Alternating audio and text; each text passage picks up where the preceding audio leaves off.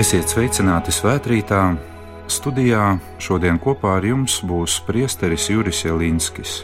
Ieklausīsimies svēto rakstu lasījumā no Lūkas evanģēlija 24. nodaļas, no 13. līdz 35. pantiem.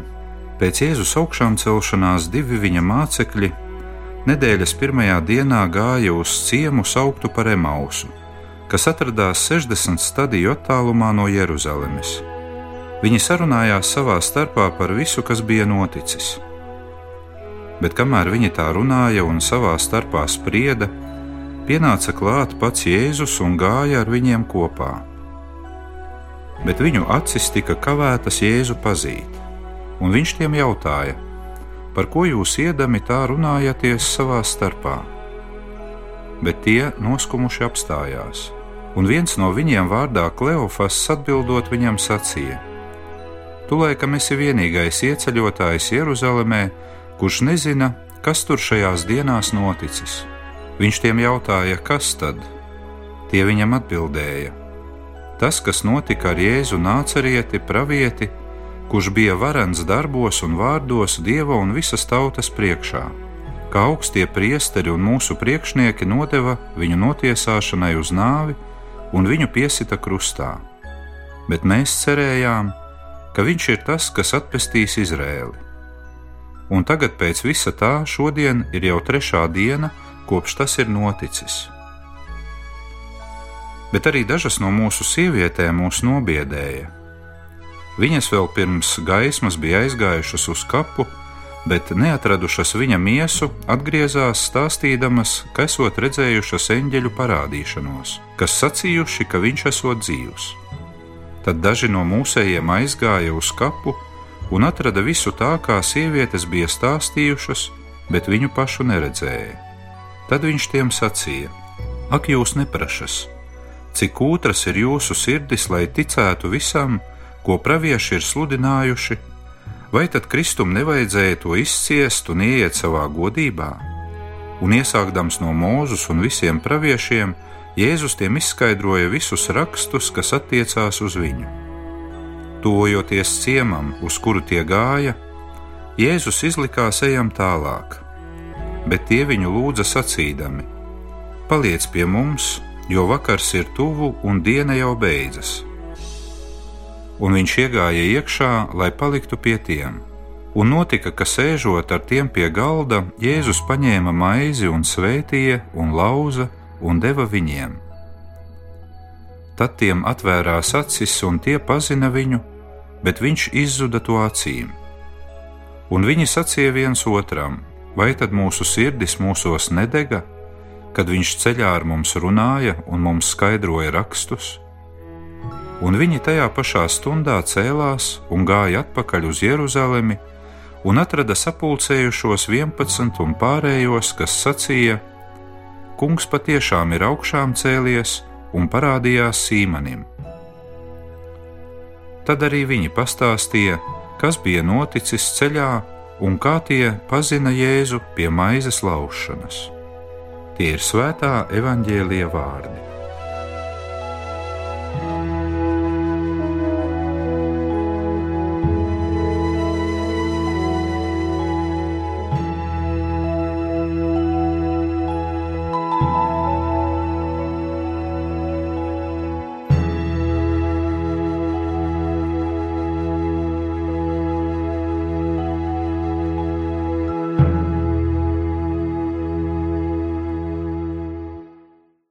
Notikums ar diviem mācekļiem ceļā uz Emaus ciemu ir viens no spilgtākajiem jaunās derības stāstiem. Visos laikos tas ir uzrunājis māksliniekus, rakstniekus un dziniekus, kuri šo notikumu ir centušies attēlot savos darbos. Iedziļinoties šī notikuma izklāstā, mēs varam teikt, ka šie mācekļi ceļā uz Emaus ir mums katram kā tāds dzīves spogulis. Tas mums atkal vēlas uzsvērt, ka ticība dievam tas ir ceļš, uz kura cilvēks nemitīgi atrodas. Ticību cilvēks nevar iegūt kā tādu pastāvīgu un nemainīgu vērtību, bet ticībai vienmēr ir dinamisks raksturs, tai vienmēr ir nepieciešama attīstība. Ticību kā ceļu mēs varam salīdzināt ar visas mūsu dzīves ceļojumu, kurš iesākas no dieva un pie dieva arī aizved. Protams, šajā šīs zemes dzīves ceļojumā mēs bieži jūtamies kā bez pastāvīgas dzīves vietas. Tomēr šajā ceļojumā, pat kaut kur jūtamies izraidīti, mēs saskaņā ar apstuļa Pāvila vārdiem dodamies uz labāku, tas ir uz debesu tēviju. Bet atgriežoties pie evaņģēlijā dzirdētā, mēģināsim iejusties šo abu mācekļu stāvoklī. Viņi izvēlas doties projām no Jeruzalemes jo jutās vīlušies. Ceļā viņi pārdomā un sarunājas par visu, kas ar viņiem dzīvē ir atgadījies. Neapšaubāmi tā bija ļoti smaga un sāpīga pieredze. Jēzus, kuram viņi ticēja, un kurš viņus saistīja ar visu labo un gaišo, tika sagūstīts, notiesāts un brutāli nogalināts. Tas radīja jautājumu, vai šī pasaule vispār ir kaut kā vērta, ja tā tik nežēlīgi izrīkojas ar saviem labākajiem cilvēkiem. Šīs savas skumjas un vilšanos mācekļi izsaka nezināmajam ceļa biedram vārdos, bet mēs taču cerējām. Tātad pagātnē viņi vēl cerēja, bet tagad neko labu vairs negaida. Viņi dzīvo bez cerības. Ja arī mums dzīvē ir nācies piedzīvot kādu lielāku vai mazāku sakāvi kādā mums svarīgā lietā, mēs ļoti labi saprotam, cik ļoti cilvēcīgi ir justies tā, kā jutās šie abi mācekļi. No psiholoģiskā viedokļa cilvēks, kad jūtas vīlies un ir sakauts, viņš parasti ilgojas aizbēgt no tās vietas, ar kuru ir saistītas nepatīkamas atmiņas. Viņš vēlas nomainīt apkārtējo vidi un cilvēkus, lai kaut kā remdētu sāpes un aizmirstu pārciesto. Turklāt, jo lielākas ir bijušas cerības, jo daudz spēcīgāk cilvēks pārdzīvo vilšanos. Nevelti kristīgajā meditācijā ceļš no Jeruzalemes uz Emausu tiek uzskatīts it kā par tādu cilvēka psiholoģisku bēgšanu. Kad cilvēks redz, ka viņa dzīvē nepiepildās tas, ko viņš bija cerējis, tad cilvēks ir gatavs visu mest pie malas un bēgt. Kādam tā ir aiziešana no ģimenes, cits dodas prom no savas dzimtenes, vēl kāds bēg projām no dieva. Jā, tad, kad mirst cerība, mirst arī cilvēks. Nevar dzīvot bez cerības.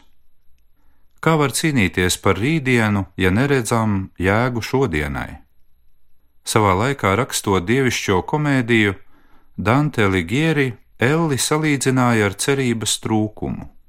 Virs elles vārtiem viņš novietoja uzrakstu: Jūs, kuri te ienākat, atstājiet aiz šiem vārtiem jebkādu cerību. Arī evanģēlijā minētie mācekļi, kad bija zaudējuši cerību, viņi pieņem visai praktisku un konkrētu risinājumu. Proti, vismaz uz kādu laiku viņi nolemj atteikties no augstiem ideāliem. Viņi nolemj paslēpties un nobarikādēties savā privātajā dzīvē. Patiešām, tad, kad cilvēks ir vīlies un atsakās no ideāliem, viņš kaut kur kļūst līdzīgs Pilātam, kurš izsaka cinisma pilno jautājumu bet kas tad ir patiesība? Šajos vārdos ir iekļauts gan intereses trūkums par šo jautājumu, gan arī vēlmes trūkums uz to atbildēt. Rezultātā rodas kārdinājums teikt, kāpēc vispār pielikt pūles, jo tik un tā neko taču nespēšu izmainīt. Šādai nostājai, diemžēl, nav nekā kopīga ar cēliem, garīgiem ideāliem. To vietu drīzāk aizņem tas, kas ir materiāls, tas, kas ir taustāms, to, ko var konsumēt, jeb patērēt. Kā var novērot, šāda nostāja ir ļoti tuva arī daudziem mūsdienu cilvēkiem. Nepiepildītas cerības, psiholoģiska un arī praktiska bēgšana, bezspēcīgās dusmās, kuras sagrauj cilvēka enerģiju un spēku. Taču visā šai stāstā labā vēsts ir tā, ka šādam bēgošam cilvēkam līdzi tik un tā dodas Jēzus sākumā kā neatpazīstama persona, kā cilvēka dzīves kluss ceļabiedrs, ceļabiedrs arī kritiskā un pat izmisuma stāvoklī. Jā, Dievs ir gatavs kopā ar cilvēku pat bēgt, lai tikai viņu atgrieztu atpakaļ. Jo grūtāks kļūst cilvēka stāvoklis, jo Dievs kļūst vēl vairāk viņam tūs. Bieži, diemžēl, mēs viņu neatpazīstam. Cilvēku acis paliek bieži aizkavētas, jo mēs tik ļoti esam nodarbināti paši ar sevi, ar savām skumjām. Esam it kā nohipnotizēti ar savām neveiksmēm un ar savu vilšanos. Šādās reizēs svarīgi ir, lai mēs būtu patiesi. Lai kā vien protam, tomēr lai uzturam sarunu ar šo nezināmo dzīves ceļa biedru. Arī sarunā ar šiem diviem mācekļiem redzam, ka Jēzus viņiem uzdot jautājumus, viņus uzklausa, ļauj viņiem izteikties, tomēr vēlāk arī norāda uz mācekļu ticības trūkumu, jo cilvēks visu taču nevar balstīt vienīgi uz savām subjektīvām prāta spējām. Protams, ar to netiek noliegta cilvēka loģiskā domāšana tomēr tai ir jābūt apgaismotai ar ticības gaismu, kuru iegūstam lasot, pārdomājot un pārunājot svētos rakstus. Kā redzam tālāk šajā stāstā, Dievs savu klātbūtni neuzspiež. Viņš izliekas ejam tālāk.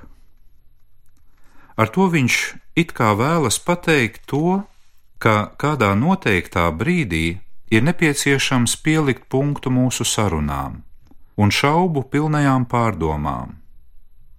Un te lūk ir svarīga paša cilvēka iniciatīva, kura tiek izteikta šādos vai līdzīgos vārdos: Paliec ar mums, kungs! Jo, kā zinām, pēc visām skaistajām un pat sirdi aizdedzinošām sarunām atkal var iestāties nakts, kura ir kā nebeidzams turpinājums cilvēka bēgļu gaitām. Jā, mums ir jāparāda iniciatīva.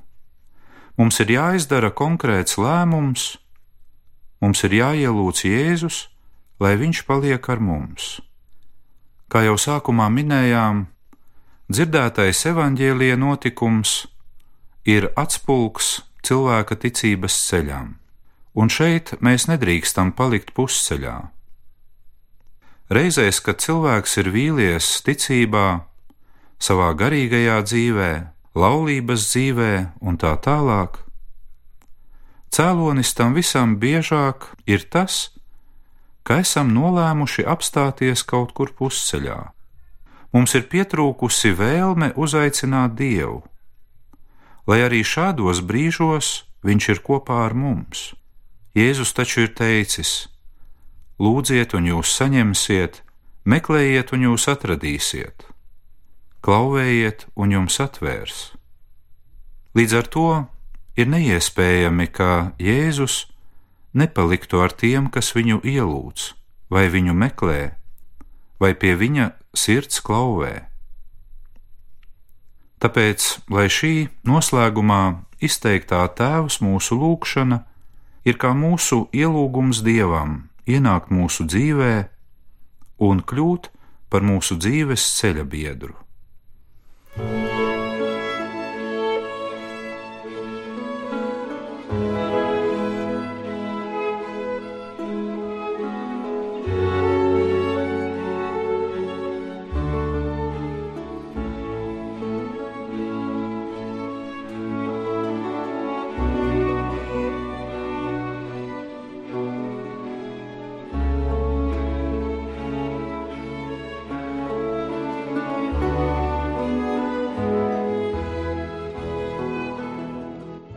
Tēvs mūsu, kas esi debesīs, svētīts lai top tavs vārds, lai atnāk tava valstība, tavs prāts, lai notiek kā debesīs, tā arī virs zemes.